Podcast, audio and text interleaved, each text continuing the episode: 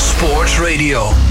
Welkom bij Bloed, Zweet en Tranen. In dit programma gaat oud-topvoetbalscheidsrechter Mario van den Ende op zoek naar de drijfveren van onze sporticonen. Vandaag de gast in deze bijzondere aflevering tijdens dit 10-jarig jubileum van All Sports Radio is niemand minder dan tennisicoon Richard Krajicek. Het Rotterdamse servicekanon is een van de beste Nederlandse tennissers aller tijden met in het enkelspel 17 titels, een hoogste klassering van vierde op de wereldranglijst en hij is de enige Nederlander met een Grand Slam titel in het enkelspel na die fabuleuze Wimbledon titel in 96. Al sinds heel wat jaartjes kennen we hem ook goed als toernooidirecteur van het inmiddels ABN AMRO Open, waarvan de 51ste editie op 10 februari zal gaan beginnen. Dit uur gaan we in vogelvlucht door Richard zijn carrière en praten we met hem over zijn leven nu. Vanuit de studio in Hilversum is dit bloed, zweet en tranen. Alle sporten van binnenuit. All Sports Radio. En het is ook een bijzondere uitzending van eh, Bloed, Zweet en Tranen. Eh, Mario, jij bent natuurlijk ook eh, bij ons aangeschoven. Jij presenteert natuurlijk het programma Bloed, Zweet en Tranen. Maar uh, ja, tien jaar jubileum. Hoe heb je het tot nu toe vandaag? Want volgens mij heb je best wel wat mensen gesproken in de tussentijd. Nou ja, dat is, dat is heel gezellig. Maar ik ben natuurlijk het meest uh, ja, verheugd dat uh, de hoofdgast van vandaag, Richard Krajcek, uh, op tijd is. Ik, ik, ik oh, da daar ben je verheugd nou, ja, nee, Ik denk dat ik er ben, maar ik, okay, ik heb jou, ik, Ja, heel blij. maar ik, dat hij ook op tijd is. Nee, kijk, ik, er komt straks nog even in de uitzending dat ik probeer Richard een beetje te typeren voor de voor de luisteraars. En toen, toen dacht ik van nou, Richard, een klein beetje kennen, die is zo exact. Half vier afgesproken, maar nu blijkt dat hij om kwart vier afgesproken. En dan was hij om kwart vier. Dus wat dat betreft uh, treft hem geen blaam. Maar ik ben dolblij dat hij er is. Want uh, ja, uh, de beste tennisser uit Nederland, uit de historie. Ja, en ik, ja, geweldig. Ja, absoluut. Want uh, nou ja, we hoorden het in de intro al even kort. Uh, nou ja, hoogste positie, vierde op de wereldranglijst. Uh, 17 titels in het enkelspel. Ook nog even drie in het dubbelspel erbij nog meegerekend. Ga je nou, nou wel mijn vragen over nee, nee, maar, maar, het geeft wel aan dat het toch wel weer mooi is dat, dat we hem in de studio mogen ontvangen. Ja, nee, gaaf. En ja, hij past precies in het rijtje Corriveeën die we hier al hebben, hebben gehad. En, en we gaan natuurlijk de tand voelen, maar ook even naar de toekomst kijken. Want er komen hele belangrijke weken weer van Romaan. Dus. Absoluut. Nou, Mario, je begint meestal met de arbitrage. Ja, de arbitrage, dat, dat zit nou eenmaal in mijn gestel. Kijk, uh, die gele en rode kaart die ik aan het einde uh, van, de, van deze uitzending aan jou geef om even uit te delen, die liggen al klaar. Uh, normaal bellen ze hier altijd een, een, oud voetballer, of als er op jouw plek een oud, oud voetballer zit, die mogen dan nog even met terugwerkende kracht op mij tekeer gaan. Weet je, of ik krijg af en toe nog een veer. Maar Ries, hartstikke fijn dat je er bent de arbitrage in het tennis. Uh, jij hebt zelf waarschijnlijk nog meegemaakt dat er een scheidsrechter op een stoel zat en dat er allerlei uh, lijnrechters moesten gaan bekijken of jouw keiharde ingeslagen ballen in of uit waren. Ja, hoe, hoe ging jij altijd met arbitrage om? Um, nou ja, zolang uh, in je ogen geen fout wordt gemaakt, is het prima. Um, en ik heb niet alleen meegemaakt, maar het is het enige wat ik heb meegemaakt. Ik heb dat hele Hawkeye-systeem helaas niet meegemaakt. Want dat maakt natuurlijk wel fijner uh, nu. Maar uh, ja, ja, ik heb wat belangrijke punten verloren, zou ik maar zeggen. door slechte arbitrage. En ik heb ook hele belangrijke punten gewonnen. En, en soms kan één zo'n punt net genoeg frustratie bij een tegenstander geven. Dat, dat je opeens de wedstrijd draait. Dus ja, dat hoorde erbij. Maar ik moet zeggen hoe het nu is. Um, ja, er is geen twijfel. Uh, weet je wel, het is, het is de computer beslist eigenlijk, of de, de, de computerogen.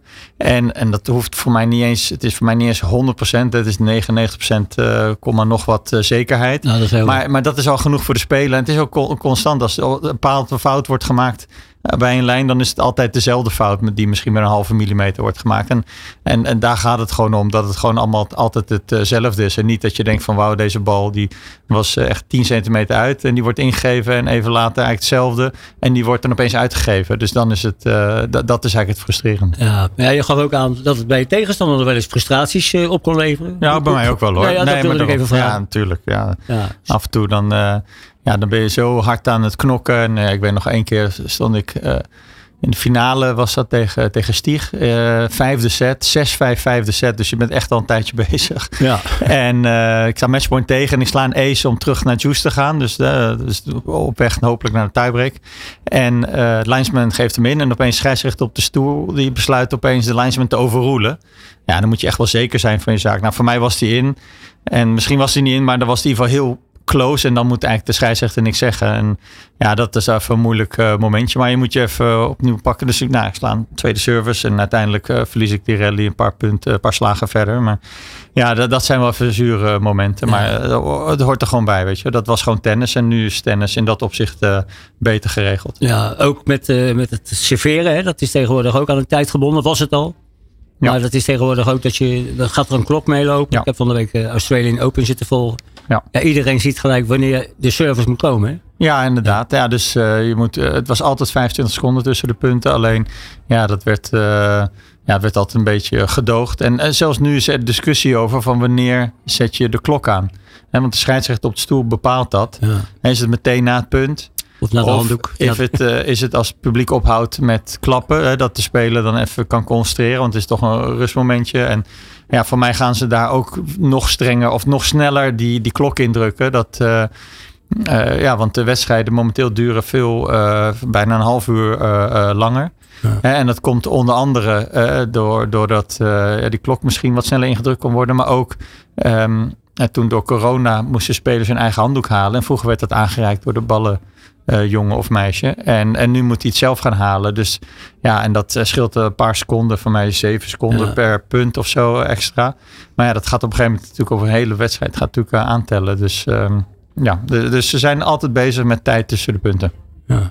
Mooi, maar het maakt het in ieder geval allemaal wel zuiverder. Ook hè, dat Hawkeye-systeem. Ja. en je ziet het, het publiek ziet het ook van. Want soms kan je denken, hey, bij deze was het, duurde het langer of korter uh, dan bij de andere. En, uh, en nu gaat die klok loopt gewoon. En ja, de, de, klok kan je niet ontkennen. Nee, maar op de schermen, als het publiek ook meekijkt. Ja, dat bedoel ik. Ja, de klok ziet, iedereen ziet die klok lopen. Dat is het, weet je. Dus voorheen was gewoon de umpire die ja, die had een stopwatch in zijn hand en die weet niet eens of hij hem ingedrukt had. Maar die deed net of hij hem ingedrukt had. En opeens van, als nee, een beetje zat te bibberen, Als jij vroeger extra tijd uh, bijtelde, dan uh, dacht je van, nou, nu is het voorbij. Nee, weer niet, weer niet, weer losse, niet. Losse pols. En opeens was het acht minuten extra tijd voor, uh, voor een halve blessure van ja. 30 seconden. En toch, ja. Ja, heel gek. Nee, maar dat was echt een losse pols. Ja, maar ik, ik, ik ben ook bijvoorbeeld in het voetbal een enorme voorstander van zuivere speeltijd. Hm. Dan weet ook iedereen waar hij aan toe is. En dan maakt het een stuk makkelijker. Ja.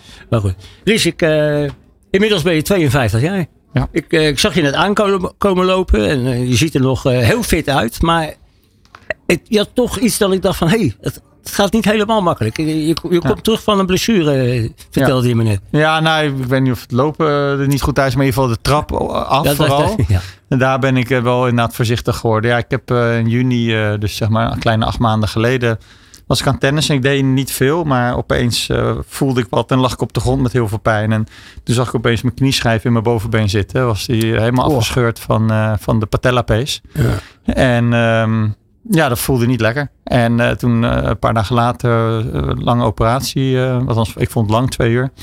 ja, goed hersteld. ja, ik heb ondertussen alweer geschiet en ik heb van het weekend ook nog in, uh, in Limburg in de heuvels gefietst. Heb dus, je de uh, Amsterdam race al een beetje verkend? Ja. Nou, dat, uh, ik, ik deed nu best wel lang over. het, gaat, het gaat nog niet snel, maar ik, ik kan het allemaal ja, laat ik zo zeggen, ik kan eigenlijk alles weer, maar het is niet onbeperkt en ook op een redelijk rustig tempo. Dus ook, ik heb zelfs al getennist. Uh, maar het is vooral als de bal meer dan twee stappen weg is, dan laat ik hem ook al lopen. Oké, okay, nou ja, wat dat betreft is er niet gek veel veranderd. Oh. voor de uitzending, dan tos ik altijd met, met onze gasten. kop of munt, ja, je had munt en dan mogen ze altijd gaan zitten. Ja, en dan, dan ga jij zitten, precies op de plek bij de muur kan je Robert in de gaten houden, de man die vandaag uh, ermee praat en uh, achter de knoppen zit. Mij in de gaten buiten. Is dat normaal bij jou dat je altijd overzicht wil hebben?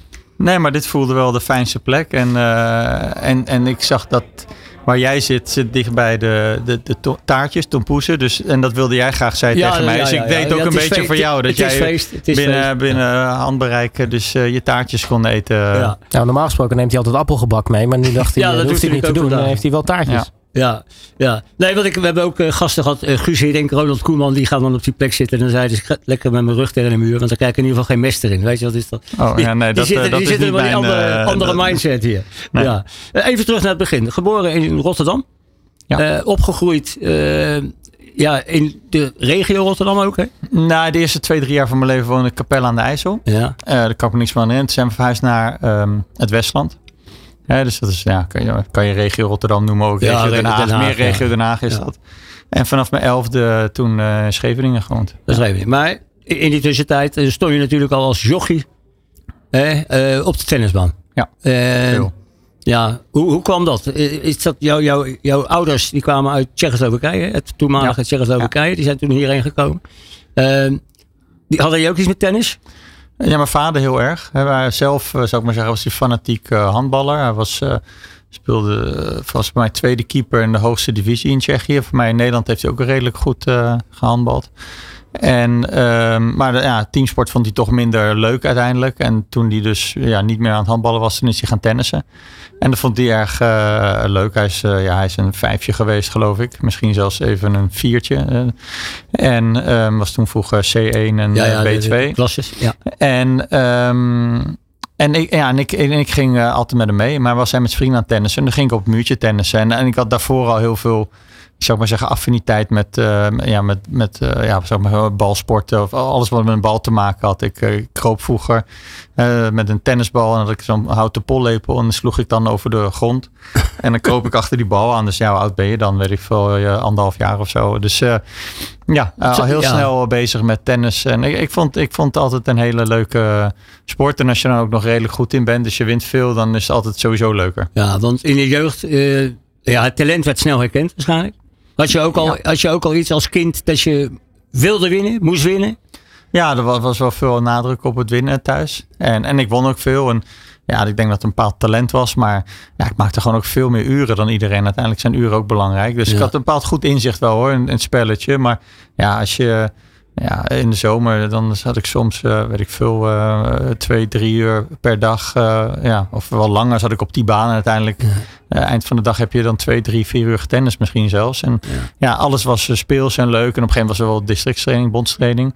Ehm, maar ja, tennis was mijn leven van heel erg jonge leeftijd. Ja. En werd je thuis bijvoorbeeld ook wel met, met beide benen op de grond gehouden? Ehm, nou, weet Of ik eigenlijk niet. Alles was altijd... be- Ja, aan de ene kant wel. Was wel streng thuis met heel veel dingen. Dus en na school eh, eigenlijk altijd meteen naar huis. Kon niet va- vaak eh, ergens blijven hangen of met, vriendjes spelen. Want ja, er moest getennissen worden. Ehm, maar aan de andere kant, eh, de, om, om dat, eh, de competitie vond mijn vader altijd belangrijk. En om mij gemotiveerd te houden dat als we spelletjes deden, liet hij me wel heel vaak winnen. Af en toe versloeg hij me. Ja. Maar ja, daar kan je eh, verdrietig van worden als je vijf jaar oud bent, zou ik maar zeggen. Nee, En, maar mijn vader in dat opzicht had hij zoiets van nee, ik wil hem gemotiveerd houden. Dus ja, dus, ehm, dus ja op die manier werd ik dan weer niet met beide benen op de grond gaan. Want op een gegeven moment dacht ik echt dat ik de koning van, weet ik veel, Monopoly was. Of zelfs van dammen, wat natuurlijk onzin is als je tegen een volwassene loopt te dammen of te schaken. Maar eh, ja, dus daar liet mijn vader me ook vaak eh, winnen. ja, maar daar krijg je ook wel zelfvertrouwen van. Ja, zeker. Ja, maar je vroeg beide benen op de grond gaan. Maar ik Ja. denk als je, als je je kind de, af en toe laat winnen, maar veel vaker laat verliezen, dan eh, ja, krijgt hij wel reality check van, oh ja, weet je wel, eh, misschien ben ik toch niet het wonderkind met schaken of zo, weet je. Ja, er kwam gisteren ook een, eh, een spreuk voorbij, die las ik van, eh, als je je kind wil laten ontwikkelen, dan moet je er niet bovenop gaan zitten. Hm. Dat vond ik wel een hele aardige, weet je. Dus ik denk, nou, misschien kan ik die vandaag ook nog even gebruiken. Dus eh, had je zelf voorbeelden? Favorieten? Had je tennissers boven je bed hangen? Of, Ja, zeker. Ja, ik, vond eh Björn Borg altijd heel eh, bijzonder. Ik, vond, eh, ik was vroeger emotioneel op de baan. En ik kon niet tegen me verliezen. Dat was een van de nadelen van dat mijn vader me vaak liet winnen. Als, als je echt de wedstrijden speelde, die, jongens liet je niet winnen. Dus ik huilde ook vaak op de baan. En ehm, mijn, mijn favoriet was eigenlijk Björn Borg. ja. Want die bleef juist super cool en wat er ook gebeurde. Dus eh, ja, en dat was natuurlijk ook heel goed. En mijn vader was voor Jimmy Connors. En dat was ook een reden om voor Borg te zijn. Om, Twee, twee tegen- tegenpolen, hè? Ja. ja, ja, ja, ja. Dus, ehm, en toen, eh, toen kwam John McEnroe. En dit vond ik eigenlijk nog mooier, want die werd boos op de baan. Want mijn vader zei altijd van, nou, als je boos wordt op de baan of je gaat huilen, dan verlies je. En dat was ook vaak zo, want dan, ja, je vreet alles. Ben je met andere dingen bezig? Ja. Maar McEnroe werd boos op de baan en die wist dat heel goed eh, kanaliseren in iets positiefs. En die ging eigenlijk heel vaak beter spelen als hij boos werd. Dus ik dacht van, oh, dat is... Dus mijn vader, kijk, hij wordt ook boos. Het kan wel. Ja, maar hij doet het op de juiste manier. En, maar in ieder geval, eh, dus ja, dat, dat waren eigenlijk mijn twee eh, ja, voorbeelden eigenlijk. Of die, ja, die vond, dat vond ik mooie, mooie spelers om naar te kijken. Maar goed, dan eh, ben, je, ben je jeugdspeler. Hè? Eh, een goede jeugdspeler, want je, je won veel. Eh, je, je had een coach. Je had coaches ook. Ik heb gelezen dat ook een vriend van jouw vader in, in het begin jouw coach was. Dat heb ik Kees Ja. Houweling later gehad, denk ik. Ja. ja en, en Stanley Franka, dat was natuurlijk een, een, een bondscoach die Jong Oranje onder zijn, ja, in zijn pakket had, zal ik maar zeggen. Ja. Hoe, hoe belangrijk is in je jeugdperiode zo'n coach voor jou geweest? Ja, ik denk dat, dat, dat de hele begeleiding, eh, coaches, ouders, is gewoon belangrijk geweest. Is belangrijk. En daar heb ik heel veel geluk bij gehad. Dat, ik heb heel veel geluk gehad dat, dat mijn vader en mijn moeder me heel erg ja, aan tennissen kregen. Mijn, mijn vader was heel erg voor de, voor de coaching. En dat ik al naar training ging, werd af en toe boos, zou ik maar zeggen. En misschien dat motiveren. En was mijn moeder ook wel voor een beetje de normale kant. Dat zij me af en toe moest troosten als het iets te hard aan toe ging uh, vanuit mijn vader gezien. Uh, ja, de coach die ik had, Marjan Laudin, die, die vriend van mijn vader, zou ik maar zeggen, was een hele fanatieke, goede coach. Ongelooflijk veel uren meegemaakt.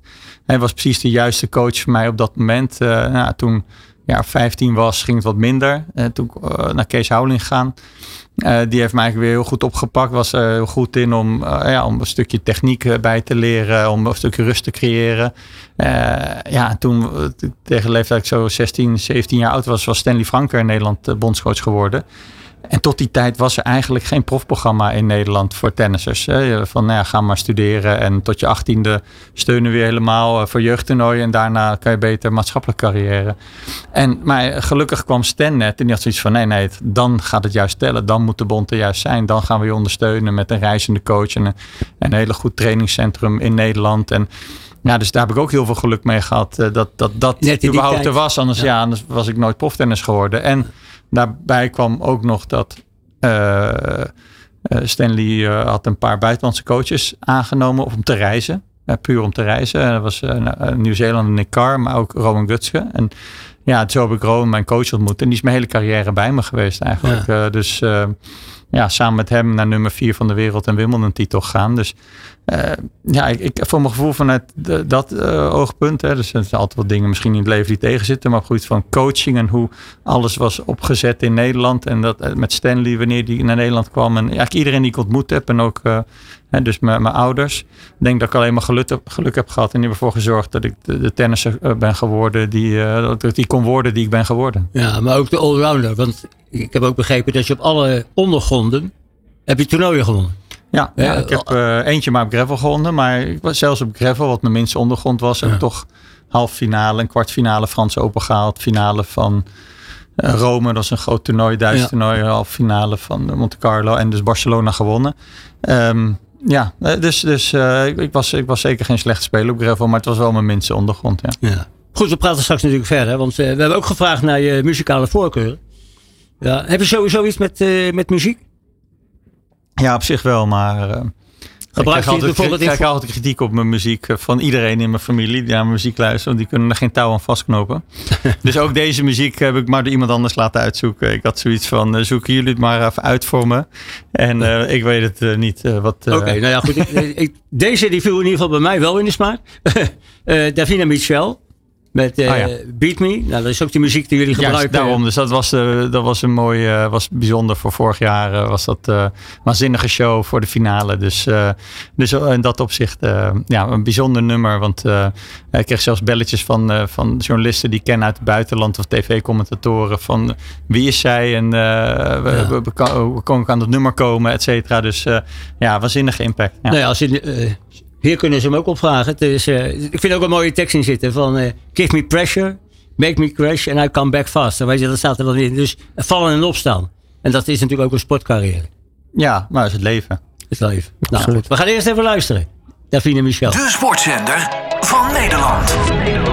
Dit is All Sports Radio. Prachtige plaat van Davina Michel, uh, Beat Me. Hier tijdens deze nou bijzondere uitzending natuurlijk van uh, Bloed, Zweet en Tranen. De eerste muzikale keuze van uh, onze gast vandaag, Richard Krajcek, tennis-icoon. Um, als we het hebben over jou, Richard. Um, een, denk een van de eerste gespreksonderwerpen die vrijwel direct naar boven komt, is natuurlijk Wimbledon 96. Um, je bent nog steeds de enige Nederlander die een, een enkelspel Grand Slam titel heeft gewonnen. Hoe is het om nog steeds die status te hebben? Um, nou ja, het eerste is leuk. Uh, dat, uh, dat ik Wimbledon heb gewonnen überhaupt. En um, ja, het is niet zo belangrijk uh, dat ik de enige Nederlander ben. Ik hoop dat er snel verandering komt. Ik, ik hoopte een beetje met Kiki al.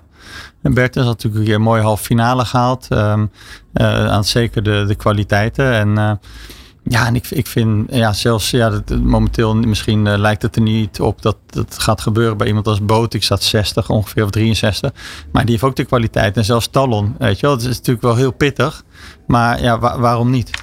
maar ehm, ja, hopelijk ja, gaan, we, gaan we wel op een gegeven moment een, een, nieuwe Nederlandse Grand Slam champion kampioen zien. Dus dat zou mooi zijn. Nou ja, want als je dus terug gaat even naar 96. Hè? Je had twee drie seizoenen daarvoor had je geloof ik geen wedstrijd gewonnen daar hè? Op, ja, op gras. Twee jaar uh, op rij eerste ronde verloren, ja. En toen had je ook nog een, een beetje geluk dat je geloof ik in het plaatsingsschema nog een plekje opschoof omdat er een, een speler had afgezet. Weet je nog uh, de top 5 waar je toen uh, eigenlijk, denk je dan van tevoren ook al, op, als je zo'n toernooi begint, nummer 1, 2, 3, 4, 5, die... Nee, nee ik, was, ik was echt aan het overleven, zou ik maar zeggen. Ik had de twee jaar daarvoor in de eerste ronde verloren. Van oké okay, spelers, wel op zich wel goede spelers, maar toch waar ik, waar ik gewoon van zou moeten winnen, ook op gas. En um, dus ik had zoiets van, nou, laat ik alsjeblieft die eerste ronde winnen. En uh, ja, omdat dus die, omdat Thomas Moest had afgezegd, uh, kreeg ik zijn plek eigenlijk. Uh, en toen speelde ik tegen een gravelspeler eerste ronde. En dat was wel fijn tegen Javier Sanchez. ja, die won ik vrij makkelijk. En dat was wel, ja, hoe gek het ook klinkt, was echt een opluchting. Ik oké, okay, nou in ieder geval niet drie jaar rij in de eerste ronde. En ja, en daarna ging ik gewoon, speelde ik goed. Even ietsje minder wedstrijd in de derde ronde. Maar voor de rest heb ik eigenlijk alleen maar goede partijen gespeeld. Ja, want je, dat, de, de plaatsinglijst, ik heb er even na zitten kijken. De, nummer 1 stond Piet Sampras. Die kreeg je later in het toernooi ook. In de kwartfinale, ja. In de kwartfinale. Boris Becker, die zat erbij. en de Eckers, die stond op 3. En Goran Ivanisevic, die stond op 4. Ja. Nou, ik zal, dan, ik zal dan wel eens denken, als ik dan moet gaan spelen, dan zit je dan wel heel ver in dat schema te kijken. Zoals jij zegt, partij, partij voor partij. Ja, nee, ik keek echt partij voor partij. Dat deed ik sowieso, maar zeker eigenlijk dat jaar Wimbledon, omdat ik gewoon ja, op gras uh, ja, speelde ik gewoon niet super. Ik had wel hele goede service uh, en ik won mijn service game heel vaak, uh, bijna altijd. Maar ja, dat is maar de helft van de wedstrijd. Ik had heel veel moeite met retourneren en om de andere helft van de wedstrijd, zou ik maar zeggen, goed te spelen. Hm. En um, nee, dus ik was echt, ik keek partij voor partij. En uh, op een gegeven moment was ik één wedstrijd verwijderd tegen Ivanisevic en dacht van... Hm, dat is niet lekker. Dat zou ik eventueel in de halve finale, toen ik van Sampras won, tegen Ivanisevic moet spelen. Ja, en die verloor gelukkig. Was hij, ja. ja. Ja, dat, en, ja, maar, zelfs dat dacht ik pas nadat ik van Sampras won. Van, uh, van oh, dat is wel lekker als Ivanisevic uh, ja. niet doorkomt. Ja. Hoe, hoe lig je er in je bed s'avonds als je van Sampras wint? Hè? Die had ook drie keer op rij al Wimbledon gewonnen. Stond nummer één op de lijst. En dan, uh, ja, okay. Hoe gaat het in zo'n toernooi? Kijk, je, je speelt wedstrijden, dat, dat ziet iedereen. Maar hoe, hoe vaak train je daaromheen nog? Ja, niet super uh, veel. Ik had dat jaar ik het ook uh, anders aangepakt. Dat, uh, een van de dingen die ik last vond op gras is dat de bal stuit Zeker vroeger, nu is het beter. Maar we waren die, ballen, of die banen relatief zacht. Dus de bal stoot niet hoog op. En schoot ook een beetje door. Uh, en, en, dus het was heel moeilijk om een balletje te slaan. En dan, uh, en natuurlijk was mijn spel was veel aces slaan, sneller. Maar als ik aan het trainen was, vond ik het wel lekker om een beetje rallies te spelen. Dat je een beetje in ritme kwam. En eigenlijk iedere dag dat ik op gras speelde, speelde ik slechter. En de meeste eerste dag goed en ietsje minder. Want je speelde steeds korte rallies. Uh, en, en op een gegeven moment, ja, dan verlies je gewoon een beetje. Nou, toen las ik dat Agassi toen in 92 Wimbledon won. Um, of was het 91. Maar in ieder geval begin jaren 90 won hij Wimbledon. En had hij geen dag op gras getraind. Alleen maar hardcourt. Hij speelde zijn wedstrijd op gras en voor de rest speelde hij eh, op hardcourt. Ik denk, ja, moet ik ook doen. En dus ik heb eigenlijk uh, tussen de wedstrijden door Um, va vaak op, uh, op hardcourt gespeeld. En dan is het oh, lekker. Bal staat het lekker. Die bal uh, raak je in het midden van het blad. En uh, een stukje zelfvertrouwen. En dacht van ja, serveren kan ik wel. Voleren kan ik wel. Dat hoef ik allemaal niet. Um, ja, daar heb ik het gas niet voor nodig. dus ja, je, je, je, slaat in voor de wedstrijd. En dan heb je altijd de dag rust. En dan, dan train je meestal een uur. Dus dat is eigenlijk wat je doet tijdens zo'n toernooi. Ja, en de rest rusten masseren. Rustig aan. Ja. weet je wel. Uh, ook mentaal uh, uh, rusten. En dat is niet eens dat je echt overdreven mentaal moet rusten. Maar het is meer dat je zelf mentaal niet aan het opfokken bent. Dat je, ja. want ja, ieder rondetje verder komt, dan is verwachting hoger en hoger. Ook naar jezelf, maar ook ja, mensen die misschien naar je toe komen of wat dan ook. En ja. um, dus, dus um, dat, dat is ook belangrijk. Ja, want het zijn natuurlijk partijen, het zijn natuurlijk uitputtingsslagen. Die, hè, uit, als je wel eens ja, mentaal wel. Mentaal, fysiek valt het mee op gras. Het is denk ik fysiek van de mindere, minder zware ondergronden fysiek, maar, uh, maar wel mentaal. Uh, want je moet constant scherp zijn. Dat, uh, de, de, de, baan is zo moeilijk te bespelen, wat ik zei zeker vroeger. Dat ja, één break betekende meestal de set verloren. Of als je een break maakt, de set gewonnen. ja, dus je moet constant ja, scherp zijn. Als je even verslapt een paar punten op je eigen service game, dan kon je dat de hele set kosten. Dus, En dat, dat is gewoon vermoeiend. Dat moet je vijf, zes lang vol houden. Deed jij ook iets met mentale training? Of um, gewoon met de coach? Dat je ja, met, mijn coach uh, sprak ik, uh, spraken we vaak over de wedstrijden, wat er gebeurde en zo. En uh, als hij merkte dat er meer spanning was, weet je wel, van oké, weet je wat, het is je staat goed spelen, weet je, een beetje zelfvertrouwen geven. En als je gevoel dat ik niet scherp genoeg was, dan probeerde je me juist een beetje uh, ja, scherp te krijgen. Van kom op, weet je, scherp zijn, best bewegen. Uh, zorg even. Wakker houden. Ja. ja, inderdaad. Weet je, zorg even dat je hartslag omhoog gaat voor de wedstrijd. Dat je echt even dat je klaar bent om te, te starten. Weet je wel. Dus uh, ja, het is, het is, het is die, ja, zeg maar zeggen, die, ba die, die, balans die is belangrijk. Hè. Voor mij in de biathlon heb je dat ook. Hè. Als, je, als ze gaan schieten, dan moeten ze niet te, te hoog hartslag hebben. Want dan, ja, dan uh, schieten ze ook niet recht. maar als hij te laag uh, hartslag wordt, dan beginnen ze te bibberen. Dus het is altijd die bandbreedte. En dat is denk ik met, sowieso met alles in het leven. Maar ook bij tennis, weet je. Je moet wel heel scherp zijn en uh, een beetje spanning, maar te veel spanning is ook niet goed. Ja, want je zegt al, hè, je hebt naast de wedstrijden natuurlijk uh, je trainingen, je hebt je gesprekken met je coach, je, je moet ook rust houden. Maar wat, wat doe je eigenlijk dan naast eigenlijk al dat soort dingen op het toernooi om, om rust te houden? Want je, tegenwoordig heb je natuurlijk zoveel afleiding, hè, je hebt je telefoon, je hebt uh, een Playstation, maar in, jouw tijd had je dat natuurlijk allemaal Nee, dat was wel fijn, inderdaad. Dus dat maakt het allemaal niet makkelijker. Dus Um, ja, ik moet zeggen, ik zit ook niet echt op social media. Maar ik denk dat ik als prof zou ik denk ook geen social media hebben. Ik zou het niet eens op mijn telefoon willen zien. Want dat, ja, het leidt allemaal uh, inderdaad uh, af. Kost allemaal energie. Ja. Dus um, maar ja, gelukkig. Ja, dus, uh, dus ja, als, als ik niemand wilde spreken, dan sprak je ook niemand. Heel vaak had ik gewoon een niet storen op mijn kamer. Want ik had dan geen, dus kon niemand me bellen. En voor de rest, je mobiele telefoon begon net een beetje te lopen, maar die zette je gewoon uit. Want je kon echt alleen maar bellen met dat ding. Um, ja, dus het was een makkelijkere tijd om, was je om je af te muziek aan het luisteren of aan het lezen? Ja, of, of... je keek wat tv of je sliep wat of whatever, weet je wel. Dus uh, kijk, sta die ook gewoon voor jezelf uit, weet je wel. Dat was ook prima. Ja, maar keken jullie ook bijvoorbeeld naar beelden van uh, je komende tegenstander? Of, uh, nee, die kende je meestal wel. En, uh, da, ja, mijn coach, zwakke punten? Nee, nee, nee, dat niet. Nee. Ja. nee, niet echt niet tijdens een toernooi. En eigenlijk ook niet, nee. Dat was het voordeel van mijn spel. Ik had zeg maar, ja, dwingend spel. Ja, eigenlijk dus, ja. dus heel vaak uh, zijn mijn coach van, nou weet je wel, uh, sfeer wat meer in zijn lichaam. Of als je hem daar slaat, uh, als je van, ze af, van hem afslaat op de backhand, dan gaat hij vaak cross. En als je een beetje in hem slaat, dan zal hij eerder langs de lijn gaan. En ja, op belangrijke punten slaat hij hem vaak, doet, die, slaat hij zo'n passing. En uiteindelijk ging het om, ik ga naar het net, zoveel mogelijk, probeer op die manier druk te zetten. En wat zijn zijn favoriete manier van passeren? En, en ook belangrijke punten, waar serveert hij dan het liefste? Um, ja, dus het ging altijd om de belangrijke punten. Het was onbelangrijk wat iemand bij 1-1 uh, doet, de eerste set. Het gaat erom dat iemand op 4-4 breakpoint doet of zo, of 5-5 juice. En denk je er wel eens aan Melissa Johnson? Nee, nee, niet vaak. Maar ik weet wel precies wie dat is. Ja, dat is het meisje wat uh, met weinig uh, kleren de baan oprende vlak voordat het finale begon. Ja, maar toen zag ik jou lachen.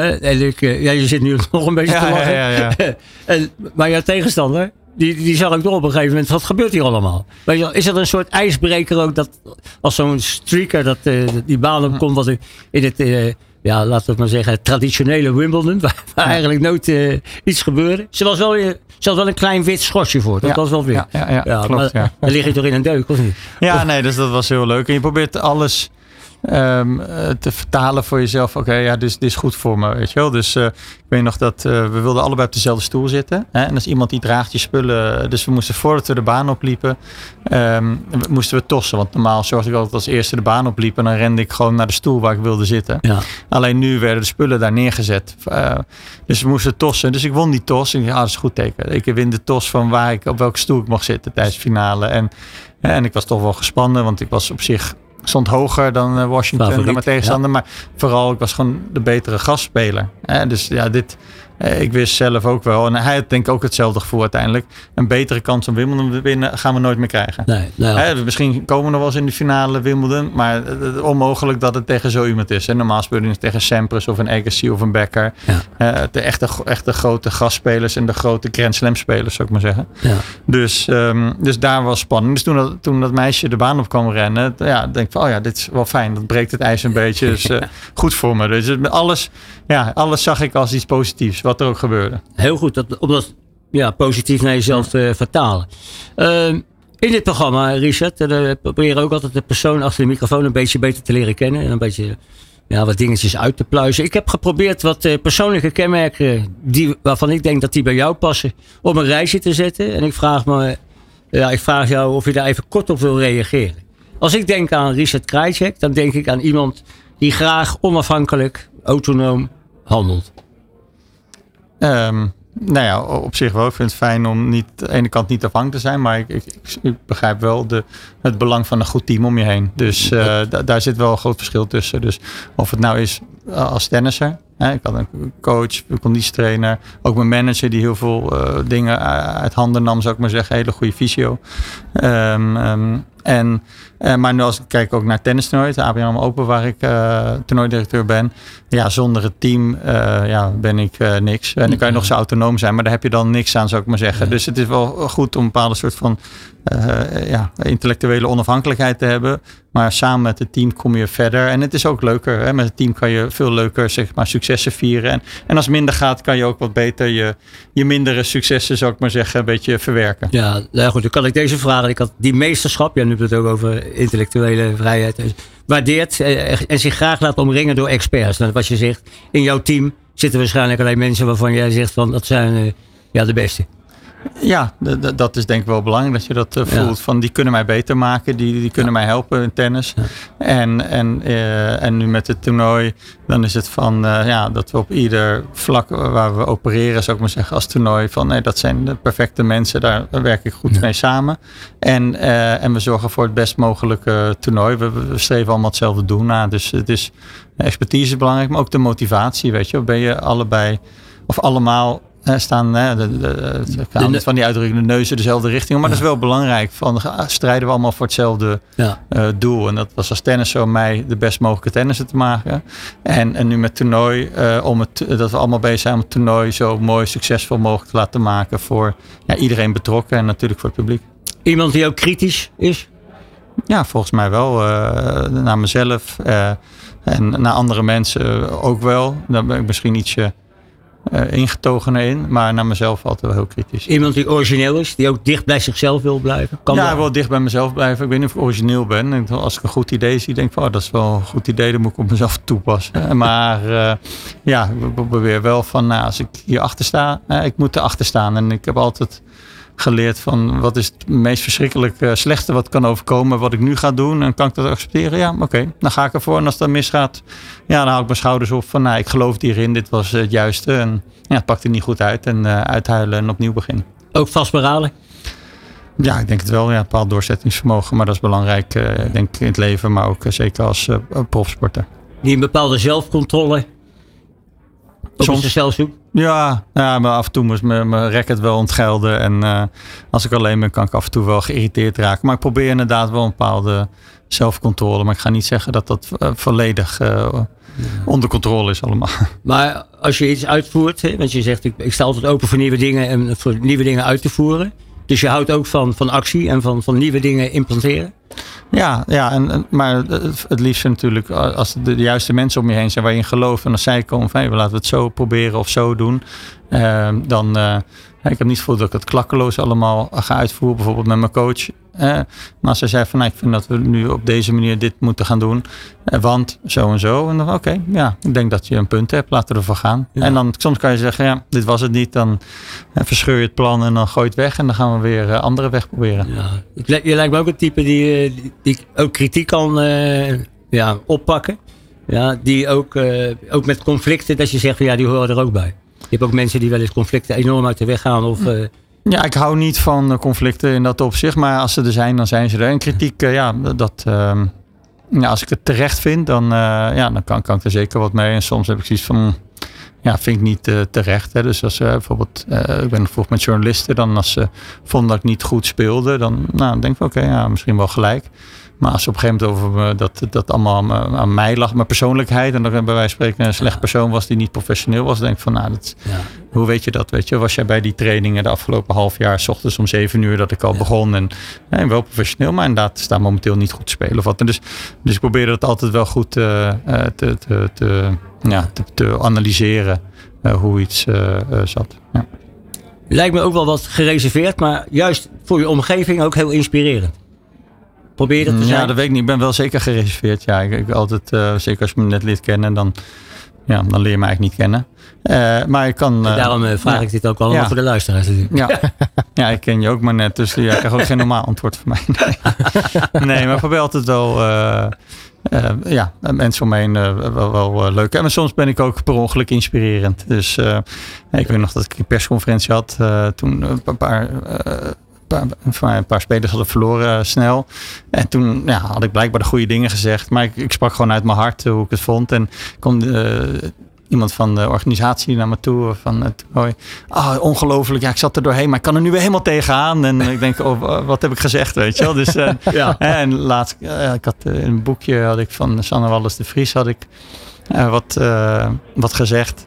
En ja, ik maakte gewoon opmerkingen over tennis, want ze had tennisles. En zei, nou, dat vond ik zo mooi. Het was een eye-opener voor mij. En dus ja, af en toe, dus dan lijkt het net of ik iets inspirerends... Uh, ja, dat is inspirerend, maar dat ik het expres heb gedaan. Maar soms is het gewoon helemaal per ongeluk. Ja. Eh. Ook een man die wel naar de toekomst kijkt, toekomstgericht. Ja, soms misschien iets te veel met toekomst bezig. Ik kan ook uh, heel erg waarderen... heel erg waarderen mensen die juist bezig zijn met het nu. En dat vind ik eigenlijk het allerbelangrijkste. Dus ik heb ook een tegeltje van en dat, uh, dat het ware geluk is, uh, is, uh, is niet het einddoel, maar de reis ernaartoe. De reis ja. En denk van ja, zo zou ik willen leven. Zo ben ik niet. Ik ben soms iets te veel bezig met het, het einddoel en, en toekomst van oh, dit regelen, dat regelen, zo moet het. Um, ja, juist heel veel bewondering van mensen die in het nu leven en inderdaad genieten van de journey. En controlegericht? Ja, zeker. En ook bekend staat die, dat je af en toe dat je wel gelijk wil hebben? Um, ja, dat moest ik van Wim de Jong zeggen. Dat is iemand oh, die bij jouw foundation werkt. Hij zegt, ik word toch ja. Uh, ja, ik 65, ik stop hem even met werken. Hey, dat, dat weet ik niet. Uh, misschien wel. Maar voor mijn gevoel is juist van... Uh, ja, ik heb ten eerste altijd gelijk. Nee, dat, maar dan als op een gegeven moment iemand echt aan het dram is... dan, dan zeg ik prima, je hebt gelijk. En dan loop ik liever weg. En dan vind ik het wel prima. Nee, ik, ik, ik weet niet. Maar ja, uh, ik sta voor me wel open voor wat andere mensen denken. Maar uh, nou, dat, dat ja, je hebt wel eigen mening op een gegeven moment. Dus dat kan soms als het gaat altijd. Nou, ik denk, ik denk het niet. Dat gevoel heb ik niet. Maar, maar, uh, als, goed, nee, maar als, als, hij dat zegt, dan, dan is dat, is, heeft hij dat zeker met me ervaren. Dus ja, dan als hij, als moet hij er beter op letten. Want ik vind dat niet een hele fijne eigenschap voor mensen om te hebben. Maar als hij afscheid neemt, dan kan je hem daar weer mee pakken. Ja, ja. inderdaad.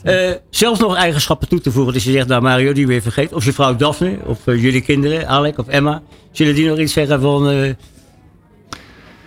Um, nee, vol, volgens mij uh, niet. Dat, dat, kan je beter aan andere mensen vragen inderdaad. Ja, ja. ja. Ik zag trouwens wel dat, dat Daphne, jouw vrouw en, en Emma, die gaan samen in een film Ja. Ja, afgelopen maandag première gezien. Zit, er dan een, zit er dan een trotse vader en een trotse man? Ja, echt heel leuk. Ja, ja echt blij. Dus uh, ja, Emma wilde graag carrière van maken. Ze heeft ook in Amerika op een filmschool gezeten, uh, theateracademie. En, uh, en Daphne heeft af en toe wat films van ook in James Bond gespeeld. Dus die vond dat heel leuk om te doen. En heeft, ja, zet zich dan vol in. Maar uiteindelijk is Daphne natuurlijk gewoon schrijf, of gewoon, dus zij schrijfster. Dat is haar werk. Heeft ja, ruim 25 boeken al geschreven. Maar zo'n uitstapje naar de film vindt ze wel heel erg leuk. Ja, ja hartstikke gaaf. Maar het, het, is ook tijd even voor je tweede muzikale keuze. En dat is een, een nummer geworden van Afrojack. Een geweldig Nederlands exportproduct ook. Hè. De, ja, Ten Feet Tall. Ik ga, ik ga zeggen, jij bent ook aardig in de lengte gekomen ja. natuurlijk. Ja. Ja, en Afrojack heeft ook voor ons toernooi een bijzondere betekenis, zou ik maar zeggen. Dus hij was ook bij de finale wat Davine Michel heeft gedaan. Hij heeft een paar jaar geleden heeft hij ook op Centercourt. Ja. Hij heeft ook het, sowieso het opkomstnummer gemaakt toen die voor die hele week was. Uh, en toen op, uh, op, het, op, uh, op de zondag, op de finale zondag, kwam hij uit het plafond. zou ik maar zeggen, was hij live aan het draaien. Dus dat was bijzonder. dus dat is een mooie, ook vriend van het toernooi, net als Davine Michel eigenlijk. Ja, maar dat zijn ook, ook dingen wat jij natuurlijk weer mooi vindt, zo'n gimmick, dat zo iemand uit het plafond naar beneden Ja. komt. Kijk, ik denk dat je daar ook toch weer heel veel mensen mee triggert. Ook, dit is buiten, is niet alleen de toeschouwers, maar Hm. ook gewoon mensen die naar zo'n toernooi kijken, hè, hoe ze dat georganiseerd wordt. Dat je dat soort dingen mee kan pikken, dat anderen daar weer Ja, eh, ja maar van laat even duidelijk zijn, dat is niet mijn idee. Dus ik vind het fantastisch. Ik ben heel blij, want we zijn altijd bezig met wat kunnen we nieuw doen, wat kunnen we verbeteren, wat doen we goed, eh et cetera. En, en dit was weer een hele mooie, eh, ja, ja, je vergeet dit niet. Dus ja. ik ben altijd voor in. Als, we, als er goede ideeën komen, dan heb ik zoiets van, moeten we, moeten we Nou, we gaan, na dit nummer gaan we ook weer even naar het toernooi toe, wat over twee weken wordt gespeeld. En dan kunnen we even luisteren wat daar voor nieuws. Maar eerst even Afrojack. Thuis, tijdens je training, in de sportkantine of uit? Dit is All Sports Radio. Afrojack samen met eh, Rabel ook nog erbij. 10 feet tall hier bij deze bijzondere uitzending van Bloed, Zweet en Tranen tijdens ons 10-jarig jubileum van All Sports Radio. Bij ons in de studio te gast eh, uiteraard Richard eh, Krajcek. Eh, we moeten het natuurlijk over één ding nog hebben deze uitzending. Eh, het ABN AMRO Open komt er weer aan. Ehm, sowieso voor jou een toernooi, want we hadden het er net toevallig over, maar dit, dit gaat dus alweer je 21ste jaargang zijn als toernooidirecteur. Dat, Ja, dat klopt, gaat ook ja. hard. Ja, inderdaad. Ja, ik ben ondertussen eigenlijk al een paar jaar eh, langer toernooidirecteur dan tennisprof. Dus eh, ja, tennis was natuurlijk mijn leven. Is het nog steeds eigenlijk, maar ik dacht, ja. Nou, anyway, dus ik ben nu al echt al heel lang toernooidirecteur. En ik vind het nog steeds heel erg leuk. Dus ik ben blij dat ik eh, ooit die kans heb gekregen. En dat, ja, dat ik het kan blijven doen. Ja, ja, je hebt ook weer een eh, geweldig deelnemersveld eh, bij elkaar te krijgen. Ik heb eh, even zitten kijken, er zitten ook vijf of zes top 10 spelers in. Dus met, met VDF, met Sinner. Hoe zat je dan vorige week te kijken naar eh Australian Open, naar de finale? Van kijk nou eens even, die twee die in de finale staan, die lopen over twee weken in Rotterdam ook. Ja, ja inderdaad. We hebben natuurlijk waanzinnig eh, gespeeld. Vorig jaar al bij ons de finale gespeeld. Toen hebben ze in Wenen ook nog een, Ja. mooi, een paar hele mooie wedstrijden gespeeld tegen elkaar. Ja, en nu dus deze finale. Dat, eh, je denkt dat Medvedev hem gaat winnen, 2-6 tegen 0. Maar uiteindelijk Sinner die... ja, momenteel eh, weet hij hoe die Medvedev moet slaan. Want de eerste zes keer dat ze speelde won Medvedev. En nu alweer de laatste vier keer heeft Ja. Sinner gewonnen. Dus eh, ja, dat is duidelijk een wisseling van de... Ja, zou ik maar zeggen, van het momentum wie, wie, wie de betere speler is op dit moment. Ja, maar ik zie jou ook, eh, ook tijdens deze uitzending al regelmatig op je telefoon kijken. Zit je dan als directeur ook, eh, want ik, vandaag kwam het nieuws dat- Sinna bijvoorbeeld voor het toernooi van Marseille eh, heeft afgezegd. Ja. Zit jij dan ook van, eh, als dat maar niet gaat gebeuren? Of, zit- nou ja, je, bent er even mee bezig. Je hebt wel even contact en zo. Maar voorlopig is gewoon de bedoeling. Ze hebben een hotel gereserveerd. Dus ja, ik ga er gewoon vanuit dat die komt. En we zijn toch een week later, weet je. Dat is natuurlijk heel zwaar, zo'n Grand Slam. Ja. Maar het scheelt of je nou ruim een week vrij hebt of ruim twee weken vrij. Of in ieder geval geen toernooien. Ja, en dat, dat, eh, dat, eh, ja, daar gaan we vanuit dat dat eh, precies genoeg is. dat, dat iedereen fris aan de start gaat verschijnen. Ja, goed. goed Medvedev, Sinner, eh Rublev, Roene. Is Ja. er, Hukac. Ja. aardig balletjes slaan, heb ik ook toevallig nog even gezien hoe kom je in contact? Ja, je, je, bent natuurlijk een bekende, maar doe jij het ook via agenten of benader jij ook spelers zelf? Nee, altijd via agenten. Tijdens het toernooi eh, zie je de spelers en dan spreek je ze. en Misschien zie ik ze op toernooi ook wel hoor. Dan spreek ik ze even. Eh, maar ehm, dan, dan ga je niet over zaken beginnen. Dat is gewoon eh, echt gescheiden. Daarom hebben we spelersmanagers. ik had er zelf ook een tijdens carrière. Dat is gewoon fijn. Dat hele zakelijke. Eh, en zou ik maar zeggen, dat onderhandelen, die ruzie maken over wat de voorwaarden zijn om te komen. Doet maar lekker iemand anders.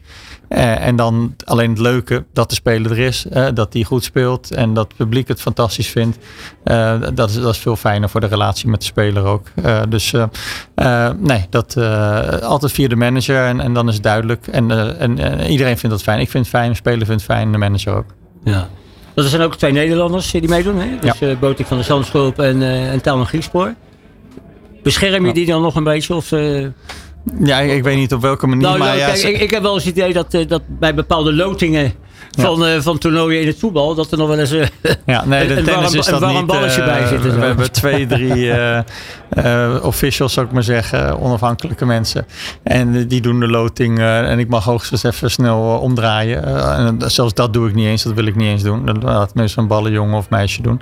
En, en dan maken we op die manier het schema. Het enige waar je naar kijkt is natuurlijk de publiekstrekkers. En dat, dat zijn Botik en Talon, hè, maar ook een Sinner, ook een Medvedev. Ja, dat die op de momenten spelen. Dan wat, wat, ja, wat publiek verwacht of hoopt. Dus ja. ja, op, op, op, op dat soort momenten. Dus ja, zullen het altijd op centercourt spelen over het algemeen. Tenzij, ja, soms heb je zoveel toppers dat die zelfs een heel goed iemand op baan 1 moet zetten. Maar over het algemeen spelen ze op centercourt. En ja, probeert het zo te plannen dat iedereen blij is. De speler, het publiek blij is. En ook de televisiekijker. Ja, en dan ben je ook nog in, in combinatie met, met Esther Vergeer ben je natuurlijk altijd bezig. Hè? Met het ja. rolstoeltennis dat zij organiseert. Ja, nou, dat neemt natuurlijk ook toch een hele speciale plek in dat toernooi. Ja, dat is ongelooflijk. Het is nu het 16e jaar. En uh, hoe Esther dat heeft neergezet, maar ook samen met ABN AMRO. Het, het, het, het kwam uit hun koker eigenlijk. En uh, ja, dat nu komen ook alle vier de Grand Slams komen kijken. Uh, van uh, dus Australische Open, Wimbledon, US Open en Franse Open. Van hoe doen we dat eigenlijk in Rotterdam? Meerdere ATP-toernooien komen ook kijken. Die zien de, hoe mooi de combinatie is ATP samen met uh, rolstoeltennis. dus ja, het heeft, het is, ik maar zeggen, je moet even een beetje lange adem hebben na 15 jaar. het is al jaren een fantastisch toernooi, maar dat nu ook internationaal steeds meer is van hé, hey, dit is toch eigenlijk wel heel bijzonder wat er gebeurt in, ja. in Rotterdam. En ja, dat is, dat is heel erg te danken aan Esther en, en in combinatie met ABN Ja, nee, heel goed. We hadden het uh, voor Afrojack, dat nummer hadden we het ook nog even over de innovaties. Hè, die jullie altijd uh, ja. proberen toe te passen. Zijn er nu nog dingen dat je zegt van, uh, nou dit gaat... ja. nou, er zijn een paar dingen die bijzonder zijn. We hebben een heel mooi, zeg maar zeggen, wheelchair center court noemen we het. Dus dat is echt schitterend gedaan. Maar vooral ook de opkomst van de spelers. Um, dat doen we met videomapping heet dat. Ja, dacht dat het een soort navigatiesysteem was, maar ik weet wat dat is nu. maar in ieder geval dus op de baan wordt geprojecteerd en dat is echt het is zo bijzonder. Uh, ja, ik heb wat filmpjes gekregen hoe het eruit komt te zien, maar ik kan niet wachten om het live te zien. Dus altijd bezig om te kijken. Dingen zijn veranderd uh, in uh, shops en bites noemen we dat. dus waar de mensen dus kunnen winkelen, maar ook te eten is. daar zijn er wat dingen aangepast. We hebben nu zelfs een pickleball kooi, dus naast padeltennis. dus van alles zijn we altijd aan het bekijken. Maar het in ieder geval meest opvallende is de opkomst van de spelers, die echt waanzinnig bijzonder gaat zijn. Nou, we gaan het uh, en zien en horen. Want uh, All Sports Radio is er natuurlijk ook uh, een heel groot gedeelte van het toernooi bij. Uh, een uur vliegt om. Hè. voor jou ligt al een gele en een rode kaart. Dat is altijd de afsluiting van deze, van deze uitzending. En, jouw voorgangers die maakten er altijd gretig gebruik van. In allerlei soorten. Heb jij nog organisaties of, of, of mensen die je een gele of een rode kaart zou willen geven? Of dat je zegt van nou, daar moet ik voor oppassen, dus dat is rood? Ja, nou ja... Aan de ene kant niet uh, mensen of organisaties gelukkig maar, want dan ja, ben, je, uh, ben, je, toch blijkbaar mee bezig. En dat wil ik niet dat, dat mensen me dusdanig kunnen irriteren dat ik... Uh, Heel goed. Dat ik hier wat, maar ja, um, wat eigenlijk wel is, we hebben natuurlijk twee jaar toernooi zonder publiek gehad. Eén jaar helemaal zonder publiek en één keer maar met 1250 bezoekers per keer. Dus zeg maar de lockdown. Dus ja, die geef ik graag wel ja, de rode kaart. is iedere vorm van lockdown. met terugwerkende kracht, maar ook voor de toekomst. Echt, die hoef ik echt nooit meer te zien. Oké. Okay. Nou, goed Ries. Uh, ja, wij gaan straks uh, ja, het feest. Ik zie dat er heel veel mensen al in de studio lopen. Ja, zeker. Ja, ja. Nou ja, dat is ja, gratis eten en drinken. Gratis eten, ja, dat zijn we erbij. Ja, ja. Maar goed Ries, ik wil je in ieder geval hartelijk bedanken voor je komst. Uh, ja. Je medewerking, je openheid, mooie verhalen. Ik wens je jou en natuurlijk met je gezin en alle goede gezondheid. Ja, alle goeds toe. En ja, voor de komende weken een geweldig ABN AMRO. En ja, goed, All, All Sports Radio is er zelf bij.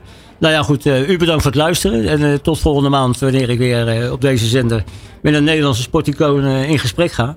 En ik geef nu het woord graag aan Robert Denneman, want die neemt ja. u verder mee uh, ja, het feestgedruis in. Ja, absoluut. Want uh, er gaat nog wel wat mooi uh, gebeuren. Maar tot zover in ieder geval de XL-uitzending van All Sports Radio Live. Want vijf uur lang konden we genieten van de hoogtepunten van de afgelopen tien jaar All Sports Radio.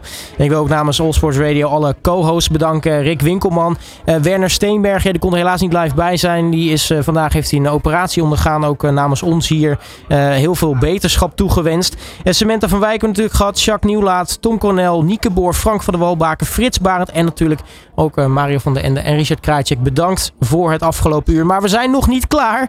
Ja, we gaan nog even door met uh, de afterparty. Want uh, nou, inmiddels de mensen die mee zitten te kijken, die kunnen het zien. Het hele pand staat vol met gasten. En op het podium, ja, mijn collega uh, Ron Lemmens, uh, Ron. Ja, daar sta ik dan, uh, op het podium. En ik heb net al de mensen even welkom geheten hier. dames en heren, we zijn live op All Sports Radio te horen. Hebben we er een beetje zin in vandaag? Nou, je hoort het al, Robert. De sfeer begint er aardig in te komen. En, en er druppelen nog steeds mensen binnen. Dus dat, eh, dat komt helemaal goed. Hartstikke mooi. Ehm, ja, voordat ik eh, hier op het podium ga beginnen. Je hebt nog wat te vertellen volgens mij. Ja, klopt. Ja, Mario heeft al een beetje het gas voor mijn voeten weggemaaid. Maar eh, voordat we nog even beginnen. eh, we gaan namelijk eh, het ABN AMRO Open. Daar gaan we naartoe. Eh, we zijn er vanaf eh, maandag tot en met zondag bij. Dus dat is eh, 12 tot en met 18 eh, februari. En daar gaan we elke dag eh, live uitzenden vanuit eh, Ahoy Rotterdam. Dus dat wordt een eh, hele leuke week. Dus dat gaan we, gaan we allemaal... eh, ja, dat gaat allemaal komen. En daar heb jij vooral denk ik heel veel zin in, toch? Of niet? Ja, absoluut. Ja, sowieso. Mooi. De sportzender van Nederland. Dit is All Sports Radio.